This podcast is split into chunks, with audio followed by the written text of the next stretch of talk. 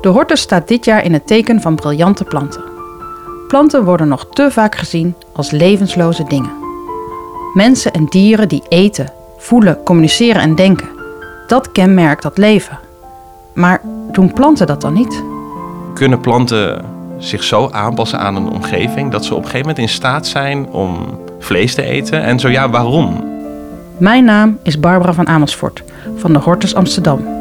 Samen met Janja Hubeek, podcastmaker van onder andere Meesterwerk, ga ik in deze zesdelige serie in gesprek met Norbert Peters, botanisch filosoof, over het onverborgen leven van planten. Uh, je staat eigenlijk met je mond in, in, in de grond. Men dacht dat wortels eigenlijk verantwoordelijk waren voor de, voor de voeding van, van, van planten. Deze aflevering gaat over eten. Welkom in Potplanten, de podcast van de Hortus. Bij ons aan tafel Norbert Peters. Hallo. Welkom. Barbara, kan jij even aan de luisteraar vertellen waar wij zitten? Want we zitten op een bijzonder plekje in de Hortus Amsterdam. Waar zitten wij? Ja, voor mij is dit eerlijk gezegd het mooiste plekje van de Hortus Amsterdam. En eigenlijk is het ook nog het enige plekje wat het publiek eigenlijk nooit te zien krijgt. En dat maakt het misschien ook wel zo bijzonder. Uh, we zitten in de Zadenkamer. Uh, in de Hortus Amsterdam, in de tuinen en in de kassen. Daar staan ongeveer 4000 soorten planten. En zoals elke plant krijgt die, bloemen of in ieder geval ontwikkelen ze elk jaar zaden. En die worden verzameld door onze medewerkers en vrijwilligers. En al die zaden worden hier bewaard in hele kleine bakjes. Ik, mijn vader had vroeger zo'n wand waar, met laadjes met allemaal schroefjes en moertjes. Nou, dat is deze wand ook die je hier ziet. Allemaal van die plastic laadjes. En die zitten vol met zaden, allerlei verschillende zaden in alle vormen en maten. Dus hier worden de plantjes eigenlijk uh, bewaard voordat ze de grond in gaan? Voordat ze weer terug de grond in gaan, bij ons of uh, bij andere tuinen. Wauw, mooie plek. Norbert, welkom in deze podcast. Je hebt een, een bijzondere titel. Jij bent botanisch filosoof. Kan je ons kort uitleggen, wat is dat? Wat doe jij? Die vraag krijg ik natuurlijk vaak. En dat is ook een beetje een vreemde titel om te, om te voeren, botanisch filosoof. Ik bedoel, filosofen zijn van oudsher eigenlijk vooral bezig met, met mensen. Uh, met de ratio van mensen, logica. Nou ja, je kan het zo gek niet bedenken, ethiek. En in de laatste anderhalve eeuw zie je wel dat er wat filosofen komen die ook aandacht hadden voor dieren en, diergedrag. En bijvoorbeeld ethisch gedrag bij dieren of wat ook. En um, eigenlijk zien we dat in de laatste jaren. Nou ja, ik merkte eigenlijk zelf dat er door filosofen in de geschiedenis eigenlijk best veel wel geschreven over planten. Er zijn best veel filosofen die planten aanhalen. En de geschiedenis van de, de botanie, de ontwikkeling van de plantkunde, is eigenlijk zo interessant. Er zitten zoveel interessante verhalen in dat ik dacht, dat wil ik eigenlijk gaan uitzoeken. Ik wil eigenlijk gaan kijken naar die verhalen achter de planten. En ook voornamelijk tussen de relatie tussen mens en plant en, en plant en dier. Ik zou zo botanische filosofie omschrijven. Inderdaad, eigenlijk op zoek gaan naar die verhalen. En dan krijg je ook eigenlijk hele interessante zaken. Dan zie je ook dat de manier waarop je denkt en kijkt naar planten en, en met planten interacteert, dat ja, daar eigenlijk al een hele hoop voor ingenomen in zitten en aannames in zitten. En dat, dat je die ter sprake kan brengen en dat je ook die kan weerleggen. Je kan op een bepaalde manier laten zien van die plant is eigenlijk veel complexer dan je denkt. Kan veel meer dan je denkt. Daar, dat, dat is de moeite waard om je daarin te verdiepen. Ja, daar gaan we het over hebben. Over. En een van die eigenschappen, of waar we het vandaag in deze aflevering over gaan hebben, is over eten. Ja. En als ik denk aan eten, dan denk ik aan mensen en die, die eten iets en dat heeft smaak en dat heeft een geur en dat gaat dan je maag in, dat wordt verteerd, daar haal je energie uit. En, maar dat, dat zit in een, in een lichaam, een mens, een dier. Maar ja. planten eten ook. Hoe eet een plant? Ja, dat is eigenlijk een, een, een, een vraag die al vrij lang geleden is gesteld. En waarop heel lang een heel vreemd antwoord eigenlijk is gekomen. Er is op een gegeven moment bij de, de Griekse filosoof Plato, die heeft op een gegeven moment een, eh, een, een zin, volgens mij in de, in de Timaeus, een, een dialoog van, van, van Plato. En die heeft op een gegeven moment een zin waarin die zegt, ja, de mens is eigenlijk een omgekeerde plant. Of de plant is een omgekeerde mens, hoe, hoe je het ook wil. Uh, je staat eigenlijk met je mond in, in, in de grond. Men dacht dat wortels eigenlijk verantwoordelijk waren voor de, voor de voeding van, van, van planten. En eigenlijk zie je dat pas eh, tijdens de verlichting dat men daaraan gaat twijfelen. Er zijn op een gegeven moment figuren die bijvoorbeeld een plant in een grote pot aarde gaan zetten. En dan na verloop van tijd groeit natuurlijk die plant. Als je daar alleen maar wat water bij doet of wat ook, dan groeit die plant. En na verloop van tijd ga je dan meten. En dan merk je eigenlijk dat er helemaal geen gewicht van die grond is afgegaan. Of niet of nauwelijks. Dus toen kwam al vrij snel de conclusie, ja, ze eten eigenlijk dus helemaal geen grond. Dus dat, wat eten ze dan? Um, En het heeft vrij lang geduurd eigenlijk tot de opkomst van de, van de scheikunde, totdat men daar enigszins een antwoord op kon geven. Dat men ontdekte dat het blad wat je ziet en het groen wat je ziet van planten. Groen is toch natuurlijk de meest karakteristieke kleur van planten. Dat dat te maken heeft met die voeding van planten. Dat planten in staat zijn om op basis van zonlicht en CO2, koolstofdioxide en wat water, wat ze vaak verkrijgen vanuit hun wortels, dat ze daarmee fotosynthese bedrijven, zeg maar. En um, zo suikers weten te vormen en, en, en andere uh, voedingsstoffen die, waarmee ze dan vervolgens de groei en de bloei uh, kunnen organiseren. Dus eigenlijk, ja, ze eten lucht. En ze eten op een bepaalde manier dus ook zonlicht. Wat natuurlijk heel vreemd is voor ons, omdat dat heel anders is dan wij eten. Planten zijn wat ze dan noemen autotroof. En dat betekent dat ze zelf, zichzelf kunnen voeden zonder dat ze eigenlijk Kijk, bijvoorbeeld mensen en dieren die leven, zou je kunnen zeggen, parasitair op planten. En wij hebben eigenlijk de energie die planten vastleggen, die nemen wij tot ons. Ofwel direct omdat we planten eten, vegetarisch zijn. Ofwel indirect omdat we dieren eten die planten hebben gegeten en, en gaan zo maar door. En omdat dus eigenlijk ja, planten zijn in staat om, om energie vast te leggen. Um, zonder nou, dat ze daar eigenlijk organisch materiaal voor, voor moeten opeten. Wij moeten, wij moeten organisch materiaal eten. Die plant die kan eigenlijk dus op basis van mineralen en op basis van lucht en op basis van zonlicht, daar op, basis, op basis daarvan kan die leven. Althans, vrijwel alle planten kunnen op die manier leven. Er zijn veel uitzonderingen. Er zijn planten die hebben helemaal geen bladgroen, die leven parasitair. Je hebt planten die vlees eten. Ehm, daar gaan we zo meteen uitgebreid over praten. Ehm, maar natuurlijk het gros van de planten die heeft fotosynthese en zijn daarmee in staat om te planten en om te eten.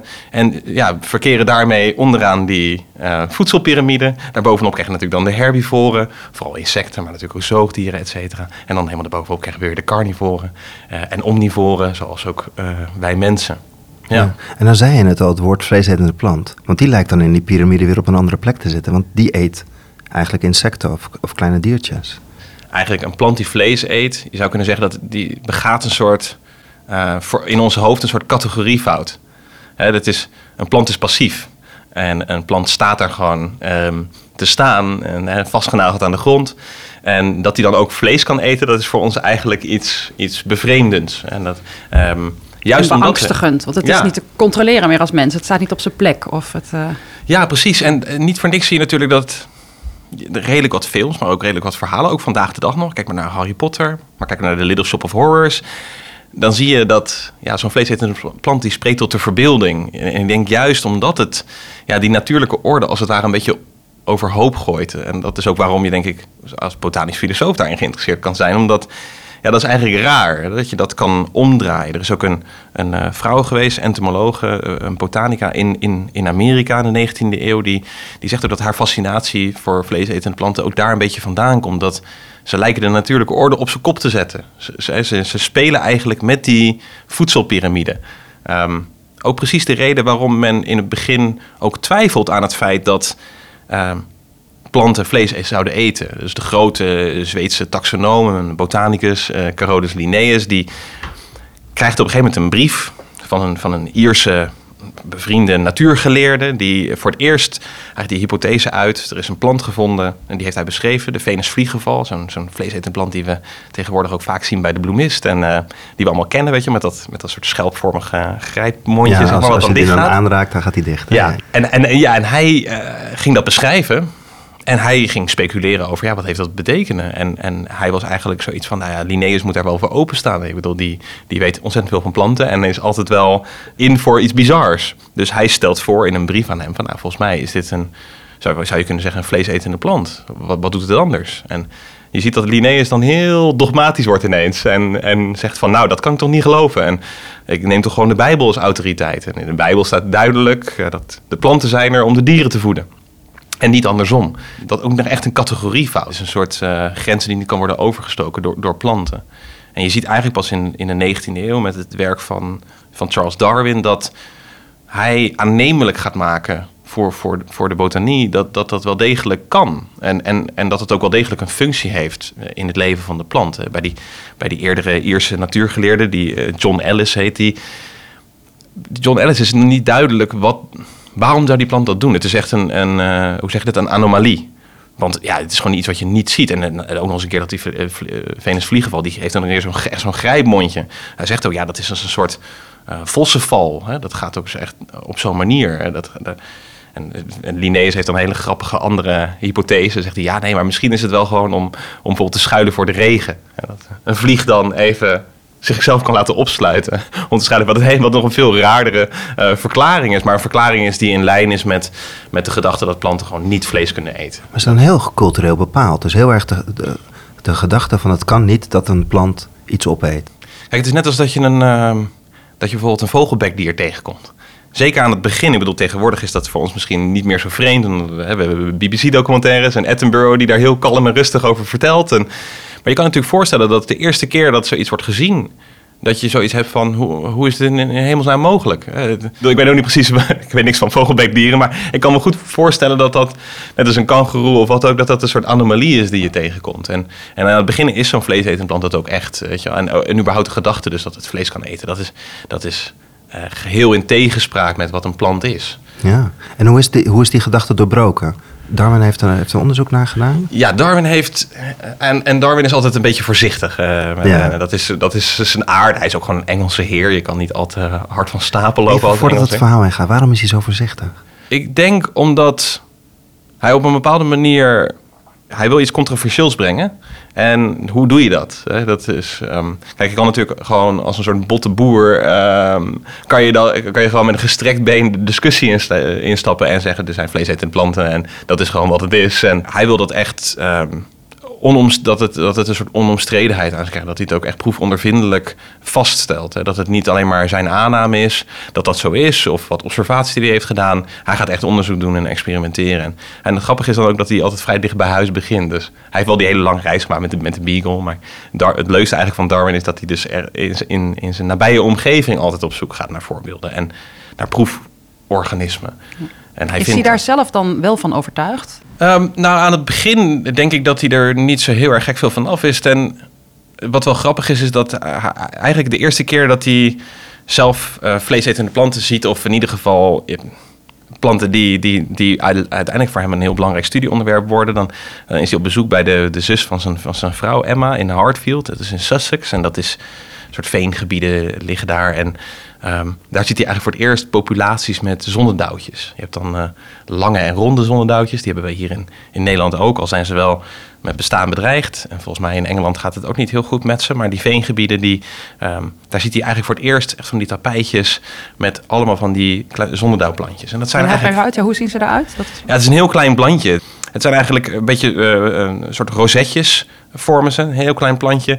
Zitten vaak echt in, in waterige uh, ondergrond. En hebben dan ja, bij de lange zonderdauw is het eigenlijk gewoon een soort van... ja, het is een beetje een lang, uh, soort lancetachtig blaadje. En daar staan dan allemaal kleine tentakeltjes op. En aan het uiteinde van die tentakeltjes... daar glinstert zo'n klein druppeltje... wat dan een beetje lijkt op dauw. Ik zeggen, je kunt het verwarren alsof die onder de dauwdruppeltjes zit. Ja, precies. En dan is er nog iets grappigs met die namen. Dat is eigenlijk bij alle vleesetende planten merk je ook... dat men heel lang niet wist dat het vleesetende planten waren. Omdat ze allemaal hele onschuldige namen hebben. Dus de zonderdauw, dat klinkt vrij onschuldig. En het is trouwens ook nog eens een keer zo, de Engelsen spreken van sundew. En dat is een verkeerde vertaling. En dat komt door een Nederlander. Die heeft uh, Rembert Dodoens, die is op een gegeven moment vertaald in het... Die had een kruidboek geschreven in, de 17e eeuw, als ik het goed heb. En dat wordt op een gegeven moment vertaald uh, naar het Engels. En dan nemen ze dat over. Maar ze snappen niet dat zonnedauw komt niet van zon, maar van zond. Als in zondvloed. Wat betekent veel. Oftewel, hij brengt veel dauw voort. Want Meestal is het zo natuurlijk als je in de ochtend uh, het veld in gaat, dan allemaal, zitten allemaal dauwen op planten. En het aardige is dus bij die zonnedauw is dat dus de hele dag door leidt die dauw op die planten te zitten. En het grappige is dat, en ik weet niet zeker, ik kan me eigenlijk niet voorstellen dat Darwin dat niet wist, maar zijn opa heeft dus ook geschreven over die zonnedauw. Zijn, zijn opa Erasmus Darwin was een groot uh, fan eigenlijk van Carolus Linnaeus en, en van zijn ideeën over botanie. En heeft, uh, om dat te populariseren, een gedicht geschreven. Een heel lang gedicht. Dat is een beetje een gekke manier van populariseren. Wij tegenwoordig zou je een documentaire maken of wat ook. Maar destijds waren gedichten nog, eh, of een podcast inderdaad. Destijds waren gedichten nog manieren om dingen te populariseren. En dan haalt hij ook die zonnedauw aan. En dan zegt hij ook van ja, dat is geen dauw, dat is, dat is meer lijmachtig. Er blijven heel veel insecten in plakken. En dat is ook wat je ziet. Ja. Dus op het moment dat Darwin langs die zonnedauwpopulaties loopt, dan ziet hij dus op die Kijk, het heeft een beetje een rode gloed uh, door, die, door die tentakeltjes. En, die, en, en het glinstert natuurlijk helemaal. Maar hij ziet daar van alles en nog wat aan insecten op zitten. En Erasmus Darwin heeft de hypothese dat dat komt om te voorkomen dat er insectenplagen zijn in de natuur. Het is eigenlijk een manier om de natuur in balans te houden. Dat is nog heel lang een beetje een gedachte. En tegenwoordig eigenlijk nog steeds wel een beetje een gedachte van ecologie. Dat er is een soort balans in de natuur. En um, dat zorgt er, die zorgt ervoor dat niet dingen extreem kunnen vermenigvuldigen ineens. Of als ze dat doen, dat ze dan worden ingetoond, als het ware. En dat is eigenlijk wat je bij zo'n insectenpopulatie dat ontploft. En uh, die zonnedauwtjes die zorgen er eigenlijk voor dat dat wordt, een beetje wordt getemperd. Um, maar helemaal geen gedachte over dat ze ze eten of wat ook of zo. Daar, daar speculeert hij eigenlijk helemaal niet over. En uh, Darwin gaat dan eigenlijk die zonnedauwtjes uh, meenemen naar zijn eigen proeftuin. Bij zijn eigen huis in, in Kent, in, in Downhouse, een mooi Victoriaans landhuis. En met een mooie kast er ook bij, een keukentuin en zo. En hij gaat eigenlijk heel veel van dat soort zonnedauwtjes kweken. En daar gaat hij dan vervolgens proefjes mee doen. En dat wordt eigenlijk het hoofd onderdeel van zijn, zijn, zijn boek, wat hij dan 15 jaar later publiceert. Dus dat laat iets zien van, hij neemt het heel serieus, zo'n onderwerp. En hij gaat dus echt 15 jaar lang observeren en experimenteren totdat hij uh, publiceert. En dan schrijft hij Insectivorous Plants, wat is een soort insectetende planten betekent. Wat eigenlijk nog een hele voorzichtige titel ook is, omdat nou ja, het grappige is natuurlijk dat vleesetende planten niet alleen maar insecten eten. Het is af en toe ook wel eens, komt het wel eens voor dat ze wat groters eten. Ze eten bijvoorbeeld ook wel spinnen, uh, wat natuurlijk geen insecten zijn. Maar ze eten, ja, zo nu en dan vind je sommige vleesetende planten ook wel. En dat zijn ook vaak dingen die meteen in de krant komen. Dan, dat is bijvoorbeeld een keer een, uh, een rat of zo is dan verdronken in een, in een bekerplant. Uh, um, en dat is dan nieuws, weet je, omdat het toch wat groter is en zo. En daarmee wat, wat enger overkomt. En wat ontdekt Darwin bij die plantjes? Eigenlijk beantwoordt die twee vragen, zou je kunnen zeggen. Kunnen planten zich zo aanpassen aan een omgeving dat ze op een gegeven moment in staat zijn om vlees te eten? En zo ja, waarom? Uh, raken ze op die manier aangepast? Het is natuurlijk een blind proces, die evolutie. Dus hoe kan dat nou zo zijn dat je een blind proces op een gegeven moment ervoor zorgt dat een plant iets gaat doen wat helemaal niet des plants is? Maar die hoe-vraag die is eigenlijk het moeilijkst. Wat ziet hij dan? Ja, of wat we nu weten, maar wat zie je als een zonnedauw een insect heeft? Ja, dus als, als zodra een zonnedauwtje iets vangt, dus dan, dan zie je vaak dat er bijvoorbeeld een vlieg of wat ook of zo komt langs en die blijft zitten aan een aantal van die tentakels. Door eigenlijk de lijm die die tentakels produceren. En wat je dan ziet, en als je de tijd zou kunnen versnellen, dat kon Darwin natuurlijk niet, maar dat kunnen we tegenwoordig wel. Daar heb je ook hele leuke filmpjes van, van die timelapse filmpjes met klassieke muziek eronder. En dan zie je dat zo'n zonnedauw, daar landt iets op en je ziet dan de tentakels eromheen, die gaan langzaam maar zeker naar binnen buigen. En op een gegeven moment zie je zelfs soms dat het hele blad ombuigt om de prooi heen. Um, nou, dan blijft hij vervolgens een week of wat zo zitten. En dan, als het eenmaal is verteerd, dan buigt hij weer terug. Dan zie je dat die haren nog niet die uh, lijndruppels vertonen. Bijna al, en daar kan je over speculeren, maar bijna alsof als het ware eerst de restanten moeten wegspoelen voordat de val zich weer opnieuw zet. Het is echt een, het is een plakval. Uh, het is een uh, soort vliegpapier. Maar dan het grappige is dat Darwin ontdekt dat het actief vliegpapier is. Het is niet gewoon passief. Er vliegt wat tegenaan en dat blijft zitten.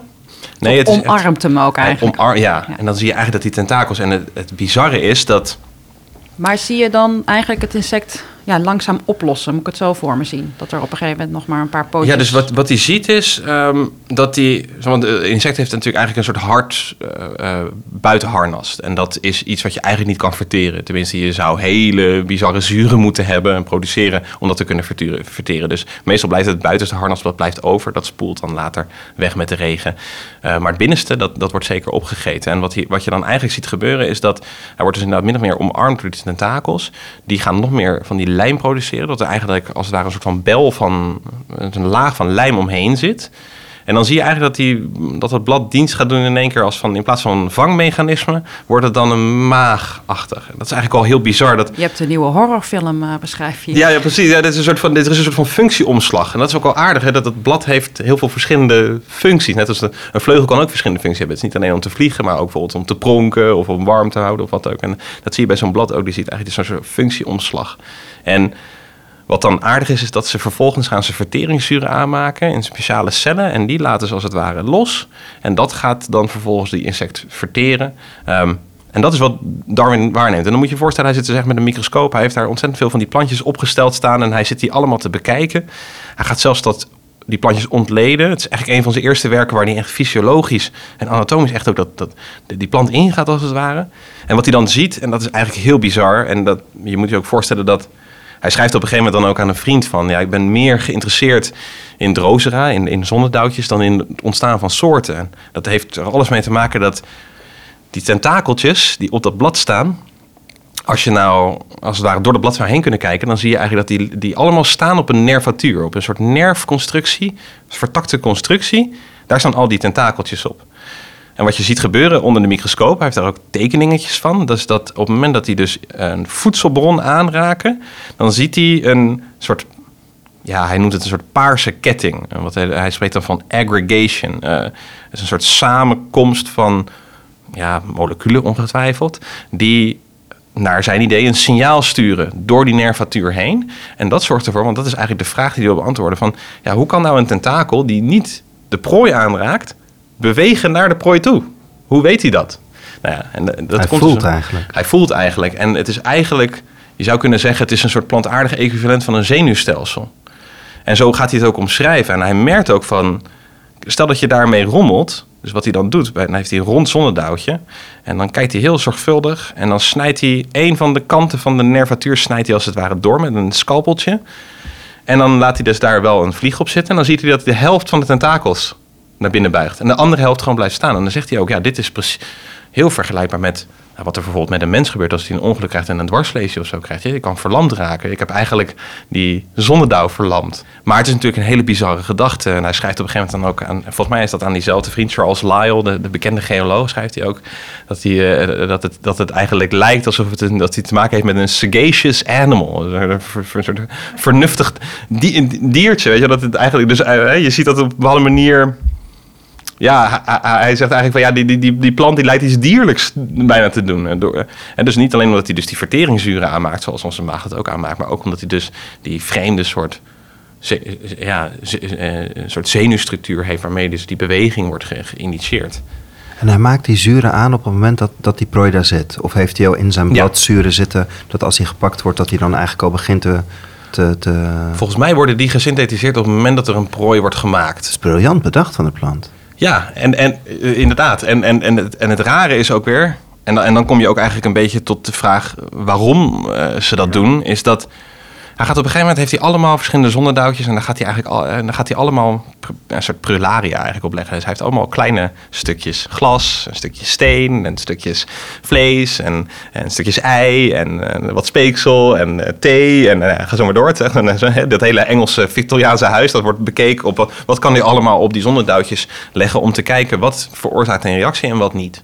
En dan merkt hij en dat schrijft hij dan weer aan een andere vriend, Joseph Hooker. Dan zegt hij, ja, het lijkt wel alsof ze eerste graads chemici zijn. Want ze zijn heel erg goed in staat om een onderscheid te maken tussen de, alle objecten waar stikstof in zit en alle objecten waar dat niet in zit. Dus als het er niet in zit, dan reageren ze niet.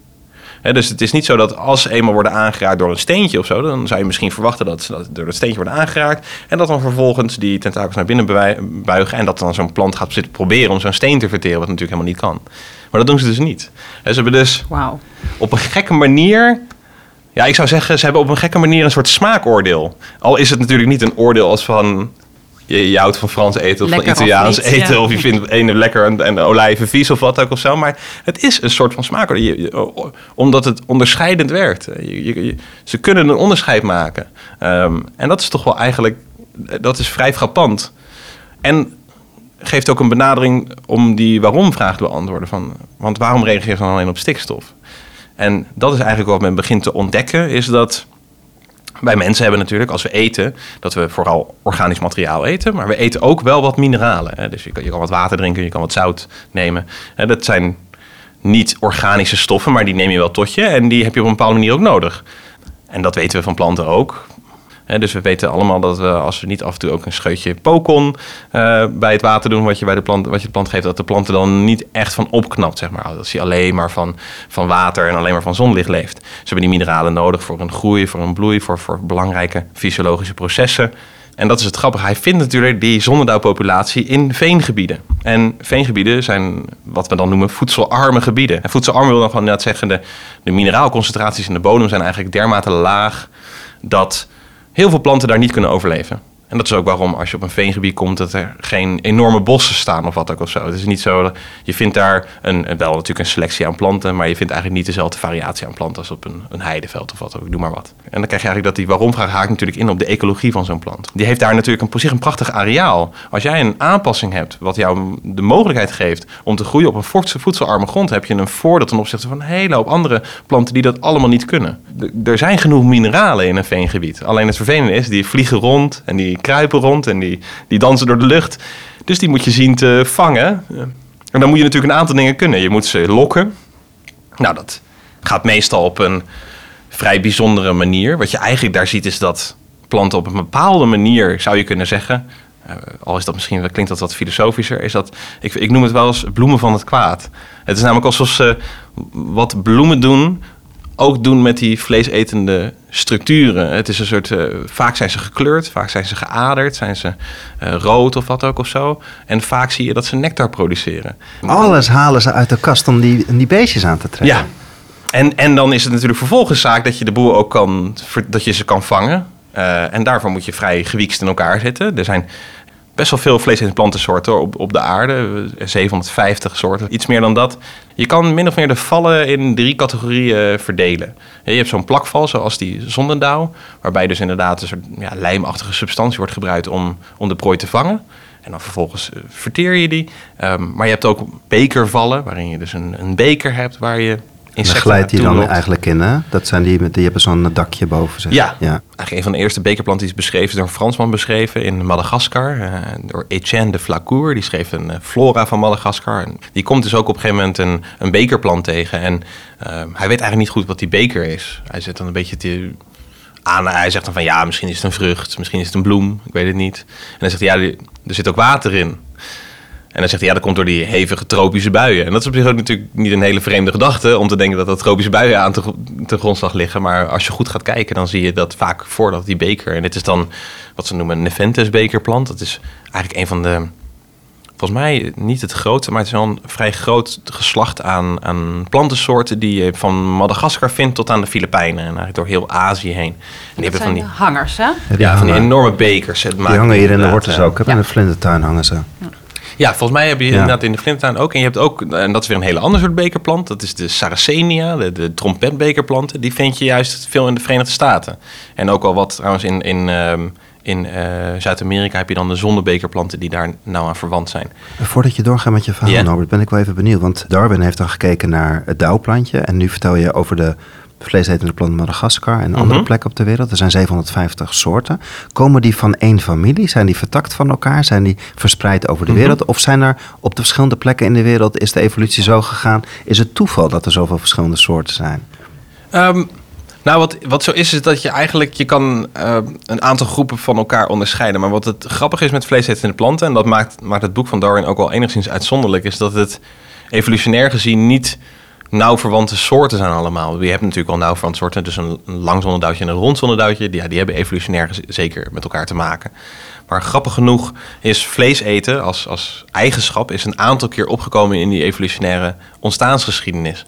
En sterker nog, je, het is zelfs zo dat soorten die heel erg op elkaar lijken, uh, qua type val die ze gebruiken, dat die niet eens verwant hoeven te zijn. Dus het, Met dezelfde waarom vraag, ook om de mineralen in een uh, voedselarm gebied de mineralen op te nemen. Dus over de hele wereld wel dezelfde waarom. Ja, dus de, de waarom is, is hetzelfde. Dus inderdaad om die mineralen te krijgen, om op die manier op plekken te groeien waar andere planten niet kunnen groeien. En dat kunnen bergketens zijn, dat kunnen rotsvlaktes zijn, dat kunnen veengebieden zijn. Dat kan eigenlijk overal waar, waar je een hele lage concentratie van mineralen hebt. Daar, die kunnen ze koloniseren, min of meer. Maar um, het type val is eigenlijk in sommige gevallen dus een aantal keer opgekomen. En dat is eigenlijk net met het, met het oog. In de evolutionaire ontstaansgeschiedenis zie je ook dat het oog op een aantal keren komt dat op. En, en, en dat, is, dat is wat je dan een convergente evolutie. En, en dat wil eigenlijk zoveel zeggen als...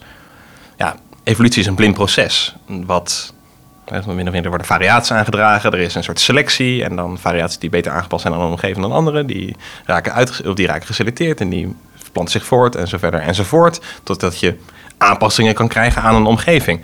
Maar soms dan stuit evolutie gewoon op dezelfde oplossing.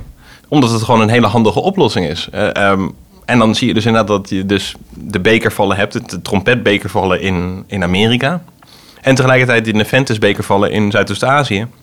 En dat die min of meer dezelfde oplossing hebben gevonden voor het probleem. Ze zien er wel wat anders uit. En het is niet helemaal hetzelfde. Maar je ziet dat ze alle twee felle kleuren gebruiken. Dat ze alle twee nectar gebruiken om een, om een insecten te lokken. En dat ze alle, alle twee natuurlijk die, dat bekermechanisme hebben. En hebben ze ook allemaal datzelfde gevoel, wat je net zo mooi beschreef? Dat van die, um, van die zenuw. Ja, ja, Dat, dat het blad dus zich zo aanpast. Dat vind ik zo bijzonder aan, aan die dauw. Dat, dat zie je dus aan die, bij die zonnedauw. En de, en de zonnedauw is wat dat betreft wel bijvoorbeeld verwant aan de Venusvliegenval. Dat is natuurlijk een, het, het, het bizarre aan die plant en ook aan de Venusvliegenval is natuurlijk dat er beweging bij komt kijken. En die bekervallen die zijn ook zeer interessant, omdat ze op bijzondere manieren verleiden. En, maar die zondendauw en, en, en die misschien nog wel in meer, eh, ja, of misschien eigenlijk nog wel meer de, de Venusvliegenval zijn natuurlijk uitzonderlijk omdat ze, omdat ze echt een bewegelijke val hebben. Wat ze eigenlijk nog minder plant maakt. Want het statische van een Sarracenia is nog wel plantaardig. Ja. Maar als ze dan ook nog gaan bewegen, dan wordt het natuurlijk helemaal. Uh, ja, precies. Ja. En niet voor niks zien we dat deze planten die springen gelijk in het oog. Dus zodra die wordt, wordt gevonden. Dus Um, die, eh, de, de Venusvliegenval is dan gevonden eigenlijk in, in North Carolina. Heb je eh, veenbossen. En daar, daar komt, maar, in het wild heb je maar een hele kleine populatie nog van die Venusvliegenval. Wat, wat heel jammer is. Er wordt natuurlijk heel veel gekweekt. Maar in het wild is die nagenoeg uitgestorven. Het, het feit dat hij dus beweegt is zo vreemd. En dat is ook voor Darwin de reden waarom... Hij gaat ook de Venusvliegenval bespreken in Insectivorous Plants. Want dit is een van de vragen die hij heeft eigenlijk daarbij is, ja, is dit inderdaad een soort zenuwstelsel? Is hier een, is hier inderdaad een reactie, sprake van een reactie zoals je, als je bij dieren zou kunnen spreken van een reactie? En hij gaat daarbij zelfs iets doen wat ja, eigenlijk uh, misschien wel te bizar voor woorden is, zeker voor zijn tijd. Hij heeft een, bevriend, een bevriende fysioloog, John Burden Sanderson. Als je die opzoekt, is een Nors kijkende man. Hij heeft heel lang onderzoek gedaan voor Darwin. Eh, ongetwijfeld niet heel blij geweest dat hij daar zo lang mee bezig is geweest. Het heeft hem echt heel lang gekost om mensen ervan te overtuigen wat hij had gevonden. En wat hij vindt is dat Darwin stuurt hem een aantal van die ve uh, Venusvliegenvallen, met, met, de, met de val nog open. En hij vraagt dan aan die Burden Sanderson van ja, ik ben heel erg geïnteresseerd in die snelle beweging. Die snelle beweging die, die fascineert me. Want je ziet inderdaad bij zo'n Venusvliegenval, om dat even te beschrijven, je ziet dat openstaande mondje. Dan zie je een rand van min of meer een soort van haarachtige tanden, zeg maar, die in elkaar haken. En wat je dan, als je goed kijkt op het blad, zie je een aantal uh, ja, uitstulpingjes zitten, een soort van haren. Haartjes. Ja, ja. Soort, ja, hij noemt het een soort trigger hair. Uh, het is inderdaad een uh, kleine haartjes. Als je goed gaat kijken en je raakt één zo'n haartje aan, gebeurt er eigenlijk helemaal niks. En als je dan een tweede haartje aanraakt, binnen 20 seconden, dan klapt hij dicht. En dat is een soort van, zou kunnen zeggen, een soort van fail-proof. Namelijk, um, het regent natuurlijk wel eens, of het waait wel eens. En dan wordt er één haartje aangeraakt. En dan kost het energie om die, om val te, laten dichtgaan. Dus je moet eigenlijk zorgen dat die val niet te snel wordt getriggerd. Hij moet wel echt getriggerd worden op het moment dat hij een goede prooi heeft. Dus. Anders is het weer loze energie, wat natuurlijk kostbaar is. En dat is kostbaar. Ja, zo'n beweging, de beweging kost energie. Dus inderdaad, je moet, je moet um, je moet dat is de reden waarom je hem niet te vaak dicht moet doen, hè? want dan gaat hij te vaak dicht en open. Ja, ja. En, en het is ook maar heel af en toe nodig. De mensen kopen wel eens eentje en die gaan dan elke dag voeren. En wat je dan ziet inderdaad is dat schelpje eigenlijk aan de rand van, net onder die haartjes, daar wordt nectardruppels worden daar geproduceerd. Die worden door, de, door een insect opgelikt natuurlijk. En de binnenkant is soms ook een beetje rood gekleurd om ook weer zo'n insect aan te trekken. En als je dus dan twee van die haartjes binnen 20 seconden aanraken, dan gaat die val, die slaat dicht en dat gaat eigenlijk vrij snel dan zie je eerst nog dat min of meer dat die val nog een beetje open is. Er zitten nog kleine ruimtes maar, tussen, die, tussen die tanden. En Darwin zegt dat het zelfs is om te voorkomen dat als ze een hele kleine prooi hebben gevangen, dat ze daar hun energie aan verspillen. Want als ze dus verteringssappen gaan aanmaken, dat is helemaal kostbaar. Dus dan moet je wel weten dat je een goede prooi hebt. Dus de val is niet helemaal hermetisch gesloten meteen. Maar wat je ziet is dat ze eigenlijk ze haken eerst in elkaar. Dan zijn er nog kleine openingen. Dan kan een knutje of wat of zo dat kan ontsnappen. Maar een grote prooi niet. En dan zie je dat als die blijft spartelen, dan gaat die hermetisch zich sluiten. En dan gaat hij dus ook verteringssappen rondpompen. En dan verteert hij in een insect in ongeveer twee weken. En dan gaat hij weer open. Dan aan het begin is hij gevoelloos. Oftewel, hij heeft geen. Je kan hem niet. Uh, het duurt even voordat de val zich weer opnieuw zet. En ook dat is weer waarschijnlijk, omdat eerst dus de restanten moeten wegspoelen. En dan zet hij zich opnieuw. Gewoon dat herstelperiode. Die Briljant geprogrammeerd. Wat ik wilde zeggen is dat hij een heel gek uh, experiment uithaalt. Hij gaat eh, in die tijd heb je dat de anesthesisten opkomen eigenlijk. Voor het eerst krijg je verdovingen. Uh, die worden gebruikt natuurlijk voor operaties en dat soort zaken en zo. Vroeger moest je gewoon een, een fles jenever achterover slaan, maar die krijgt op een gegeven moment verdoving. dicht. En, en je ogen dicht inderdaad, en dan een houtje bijten. Um, maar je krijgt op een gegeven moment chloroform en hij gaat dan kijken uh, in hoeverre chloroform effect heeft op uh, de venusvliegenval. En wat hij merkt is als je dus een chloroform toedient aan een venusvliegenval, dat die val niet werkt. En nou ja, in ieder geval. Dan kom je weer terug bij dat zenuwstelsel van de ja, zonnedaal. Precies. en dat is dus ook precies. Want hij ging het dat sturen natuurlijk, dat, dat verhaal moet ik wel afmaken. Hij ging het natuurlijk sturen naar die John Burden Sanderson. En dat is een fysioloog. En wat hij eigenlijk aan hem vroeg was: van kijk naar. Um, of die plant een actiepotentiaal produceert. Dus en dat wil zeggen dat je, je moet hem dan aan een galvanometer vastzetten, vernoemd naar Galvani, de, een van de uitvinders eigenlijk van uh, statische elektriciteit of elektriciteit. En wat dat meet is eigenlijk of er een elektrisch signaal is. Voorafgaand aan de beweging. Zoals dat bij een mens het geval is. Bij ons heb je natuurlijk ook die elektrische signalen. En dan, en net met, met die bekende kikkerpoot, zeg maar. Van, dat is de kikkerpoot van Galvani. En als je daar inderdaad eens iets statisch tegenaan houdt, dan trekt die kik, kikkerpoot samen. Um, um, en Darwin is geïnteresseerd van ja, is dat ook bij die plant het geval? Want dat zou natuurlijk helemaal een aanwijzing zijn tot een soort, ja, inderdaad vegetatief zenuwstelsel. Of in ieder geval een soort vegetatief equivalent daarvan. En dat vindt hij dus. Hij vindt dat je inderdaad, als je dit bevestigt eraan, en hij strijdt dan met een borstel langs die haren, dan ziet hij inderdaad een actiepotentiaal vlak voordat hij dicht, slaat. Uh, dat kost heel veel tijd om dat allemaal te verifiëren. En uh, vooral omdat Darwin wel een beetje bang is dat niemand hem gelooft. Uh, maar dat blijkt inderdaad het geval te zijn. En dat, hij is ook geïnteresseerd in de zonnedaal om dat te onderzoeken. Alleen dat lukt eigenlijk niet goed. Dat lukt is pas eigenlijk pas later gelukt. Tegenwoordig heb je gewoon elektrofysiologie van planten. En weten we dat planten elektrische signalen gebruiken voor allerlei fysiologische processen. maar, toen moet het echt raar zijn. Want waar komt die vandaan, denk ik dan meteen. Maar dat is misschien een keer de aflevering uh, ja, intelligentie bij planten. Wie stuurt dat signaal? Ja, maar dit is natuurlijk inderdaad, dit, dit is natuurlijk vrij vreemd. En, en het is natuurlijk niet een enorm complex mechanisme. Maar het is wel iets wat we, waarvan zeker niet werd gedacht dat planten daarover zouden beschikken. En je ziet echt bijvoorbeeld nog dat als Alexander van Humboldt schrijft over de elektrische aal, zeg maar, de elektrische de, de sidderaal, dat hij daar ook bij zegt van ja, nee, maar planten die hebben geen elektrische fysiologie, die hebben geen elektriciteit. Uh, en dat is op zich ook wel ergens te begrijpen. Ik bedoel, planten bewegen natuurlijk niet of nauwelijks.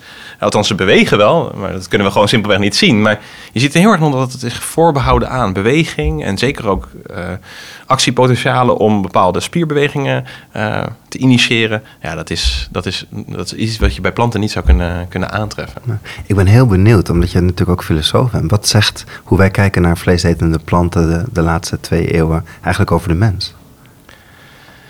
Ja, ik, ik denk dat op een of andere manier daarmee in ieder geval een deel van ons beeld van de plan moet worden bijgesteld. Ik denk dat, dat toch al veel, veel, veel van ons, en, en dat merk ik ook gewoon bij mezelf, dat sinds ik hiermee ben begonnen, is dat ten eerste, je hebt al eigenlijk nauwelijks oog voor planten. Nou is het zo dat je dat is niet helemaal goed gezegd in de zin van... je hebt natuurlijk op een bepaalde manier over planten. Ik bedoel, mensen houden best van planten. Mensen houden van een boeketje halen op zaterdag bij de markt.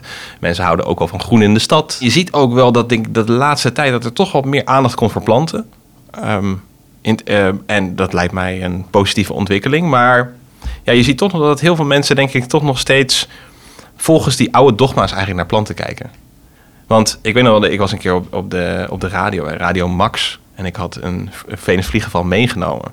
Nou, die stagiaire die geloofde mij gewoon niet. Die zei, dat, dat kan toch niet?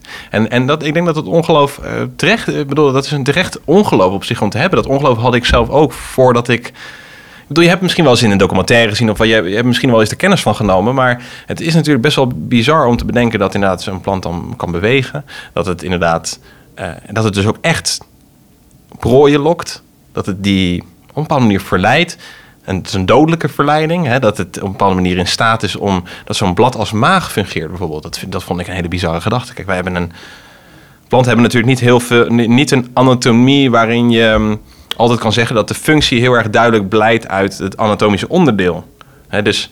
Nou, niet zoals wij het bij ons mensen en dieren dan weer Precies. zien. Ja. Precies. En omdat, die, omdat planten natuurlijk toch gewoon heel anders zijn dan mensen... is het dat het best wel lastig om, om dat te begrijpen. Net zoals het heeft zo lang geduurd voordat we wisten hoe planten uh, of voordat de fotosynthese werd ontdekt. Een van de meest belangrijke processen. Maar hetzelfde geldt voor bestuiving van planten. Er zijn heel, je ziet eigenlijk dat die ontwikkeling vrij laat op gang is gekomen.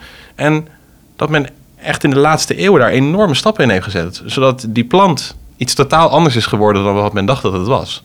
En ik denk dat dat is op een bepaalde manier wat, wat, ik, wat ik botanische filosofie zou willen noemen. Want kijk, wetenschap is gewoon, of nou gewoon moet ik niet zeggen, wetenschap is geweldig en zeker ook plantkunde.